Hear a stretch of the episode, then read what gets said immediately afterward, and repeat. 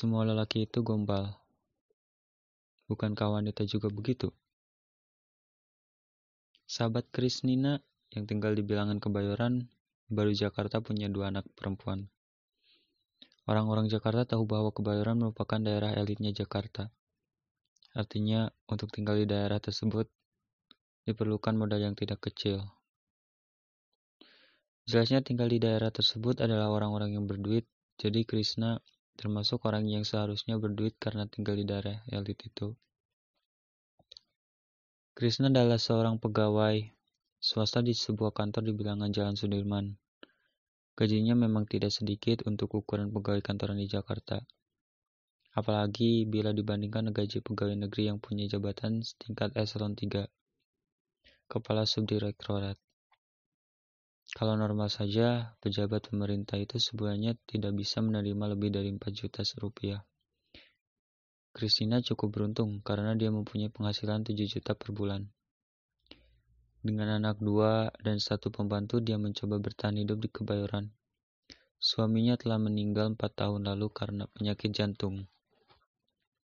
Memang suaminya pernah menjadi pejabat di kantor pemerintah jabatan terakhir suami jabatan terakhir suaminya um, kurang lebih direktur di sebuah di sebuah kementerian yang mempunyai anggaran pemerintahan yang ya lumayan tinggi di antara kementerian yang ada.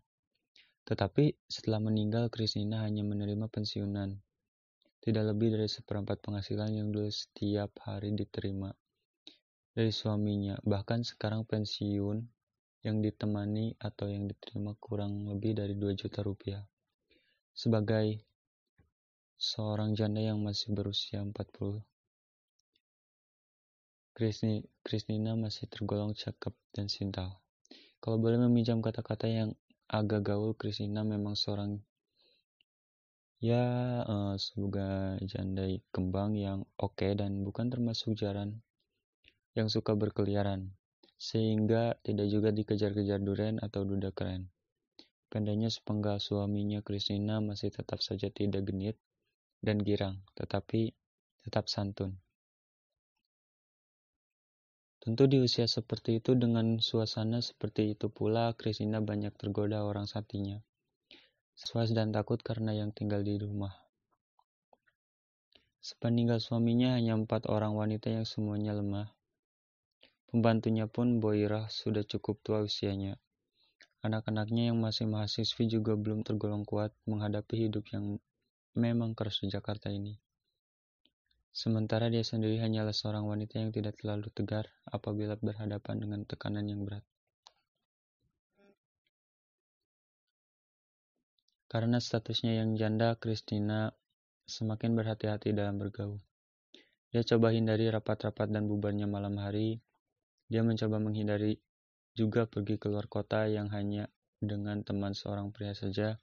Pendeknya, Kristina mencoba menghindari gosip atau omongan yang semakin membuat dirinya tertekan. Dalam hubungan pergaulan sehari-hari, Kristina tetap berusaha biasa, dan dia pun masih tetap dekat dengan seorang sahabat yang dari dulu memang dekat dengannya.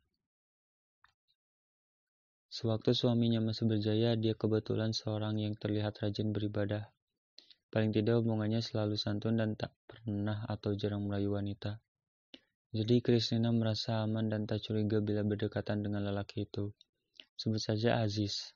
Setelah tahu ke keadaan Krisni, setelah tahu keadaan Kristina, Aziz pun juga akan berhati-hati ngobrol atau bergaul dengannya, takut menyinggung atau menyakiti hatinya. Walau isi Aziz tidak satu rumah dengan Aziz karena harus tinggal di luar kota, Isi Aji seorang guru yang tinggal di kota Cirebon, jadi hanya bisa berkumpul. Aji saat itu liburan, minggu atau uh, mungkin pada saat liburan panjang sekolah. Walau demikian, Aziz bukan tipe orang yang suka bermanfaat kesempatan, jadi jelas bahwa Aziz tidak tergolong orang yang bahaya karena telah kawin. Bahaya secara kejiwaan maksudnya karena menurut penelitian Dr. Halberg, Direktur Rumah Sakit Khusus Gangguan Jiwa Mental di New York, menyimpulkan bahwa orang yang akhirnya masuk rumah sakit jiwa kebanyakan adalah mereka yang sudah pada usia kawin tetapi belum kawin. Dan pembandingannya adalah satu dibanding empat. Artinya setiap ada empat orang laki-laki yang sudah berusia kawin dan belum kawin juga, maka satu dari empat laki-laki tersebut dia cenderung masuk ke rumah sakit jiwa atau dengan kata lain kemungkinan sakit jiwa tinggi sekali. Menurut penelitian Bertlon menunjukkan bahwa peristiwa bunuh diri yang terjadi di kalangan orang-orang yang tidak beristri jauh lebih banyak dibandingkan dengan kalangan orang-orang yang beristri. Yang telah beristri orang-orang yang telah telah memiliki keseimbangan akal, pikiran, dan moral. Kehidupan mereka rata-rata lebih rentang atau lebih tenang dan tidak diwarnai oleh ketidakteraturan secara keumuran. Kemurungan seperti yang lazim dimiliki oleh orang-orang yang tidak beristri. Namun Najis adalah seorang laki-laki yang jauh dari istrinya, dan Krisnina adalah seorang wanita yang pernah merasakan bahagia berada dalam perlindungan seorang suami. Seringnya pertemuan antara Aziz dan Kristina menjadi ladang yang sangat empuk bagi Saiton. Saiton mulai menggoda mereka berdua dari segala jurusan. Awalnya pun tidak pernah mencurigai Aziz, hampir selalu menuruti permintaan bantuan Krishna tanpa ada perasaan atau undang di balik. Udang di balik batu. Atau ingin memanfaatkan kesempitan namun suatu saat di saat mobil Kristina macet di jalan, orang yang bisa ditelepon untuk membantu hanyalah Aziz sahabatnya. Dan Aziz pun datang membantunya dengan senang hati. Walau kerusakannya sebenarnya hanya kabel lampu yang tidak tersambung karena putus hingga membuat lampu tidak menyala. Namun Kristina panik karena peristiwa itu terjadi saat dia berada di suatu pertokoan di waktu malam menjelang Isya. Dan dia harus memulai jalan yang sangat dengan polisi. Aziz pun datang dengan mobilnya dan urusan perlampauan beres. Aziz dan Krisnina pulang dengan mobil masing-masing. Akan tetapi setelah sampai di rumah, Krisnina terbesit rasa agak lain pada saat rileks. Aziz memang baik ya, tulus, tapi tanpa pamrih sedikit pun. Bisik hati Krisnina. Hmm, rupanya setelah sekian lama bergaul dengan Aziz, yang memang baik mata hati Kristina mulai menatap gelombang lain seperti kata Jalaluddin. Seperti kata Jalaluddin Rumi, seorang ahli sufi Islam, bahwa mata hati memang luar biasa tajam.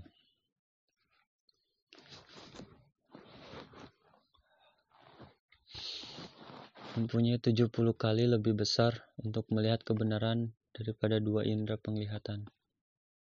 Dan di situlah mata hati Krisnina tajam melihat gelombang yang terjadi antara mereka berdua.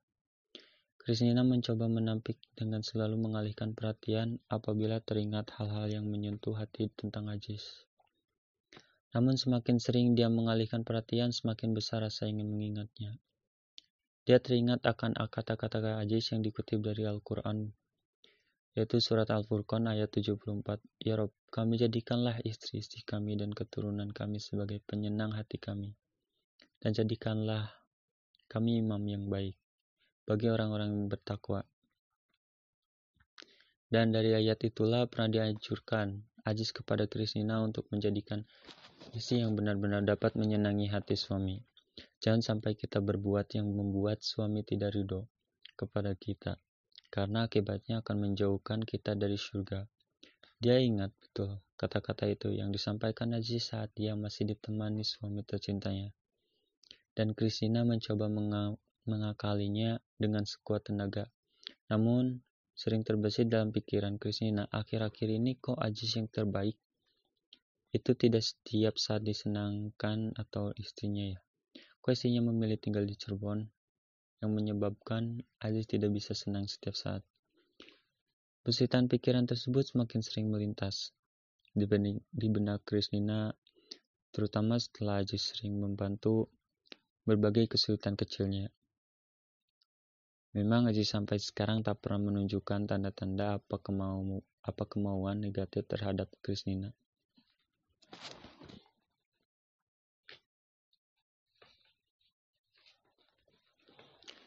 Saking dekatnya persahabatan mereka berdua akhirnya terungkap pula besitan.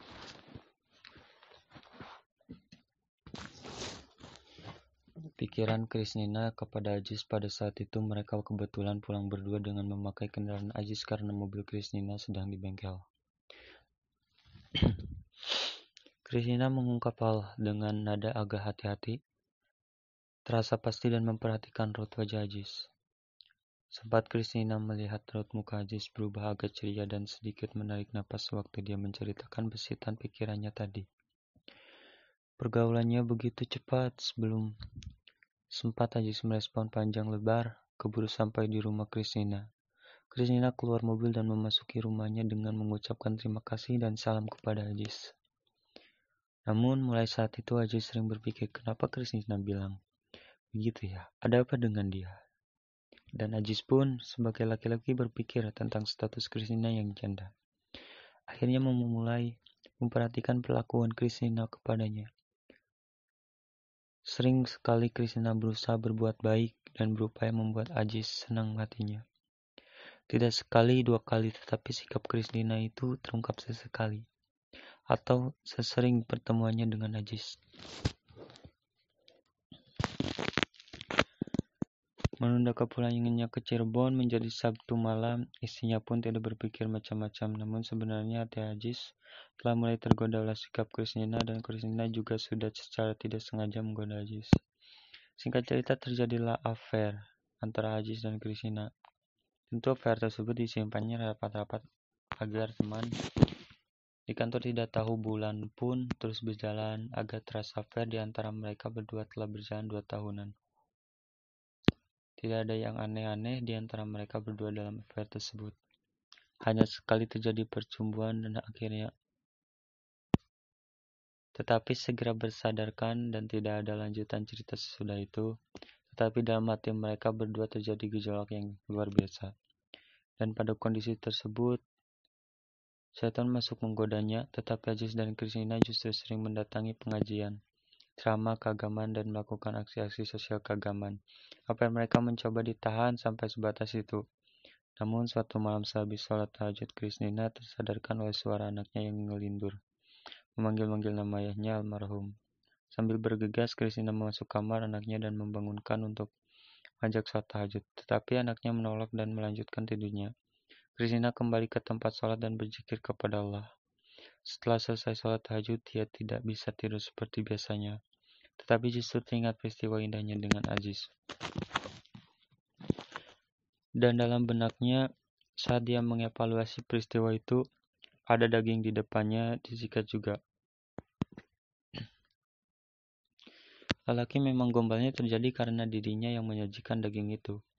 Jadinya dia bergumam, oh iya, ternyata perempuan juga sama saja. Di tengah membahayakan lagi terdengar azan subuh, kemudian Kristina sholat subuh dan terus menyiapkan berbagai hal-hal bekerja seperti biasa.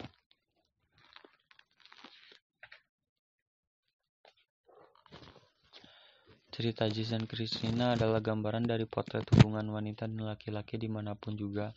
Kalau ada kesempatan bisa terjadi penyimpangan atau perselingkuhan. Agar kita terhindar dari hal-hal tersebut, di samping berdoa memohon kepada Yang Kuasa, jangan coba-coba membuat atau memanfaatkan kesempatan untuk berduaan dengan lain jenis. Siapa pun dan apa pun hubungan kita, apabila Anda menjalani hampir pasti syaitan akan menggoda dengan berbagai usaha.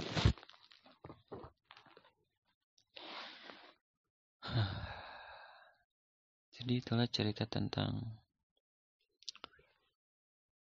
bahwa gombalan itu tidak dimulai dari laki-laki saja.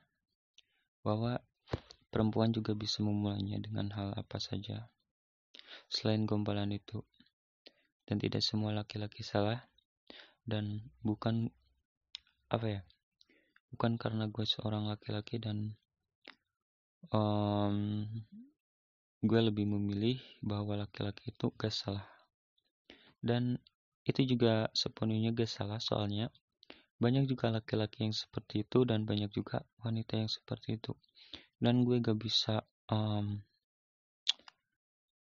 memilih salah satunya karena ya gue menyadari kalau laki-laki juga banyak seperti itu dan gue juga menyadari bahwa wanita juga banyak seperti itu. So, jadi kalian harus ambil hikmahnya dari cerita yang tadi gue bacakan itu. Jadi cerita yang tadi gue bacakan itu dibuat oleh Muhammad Dimyati. Syaratu Muhammad Dimyati. Dan kalian bisa beli bukunya yaitu di kantongku masih ada Tuhan.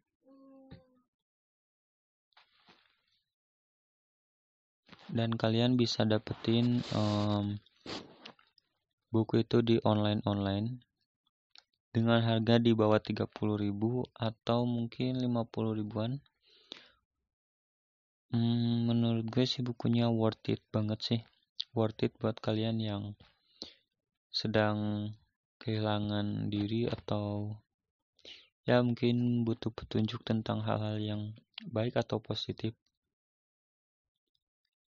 Jadi so terima kasih buat kalian yang udah dengerin podcast ini karena suara outro podcast ini udah terdengar jadi so thank you.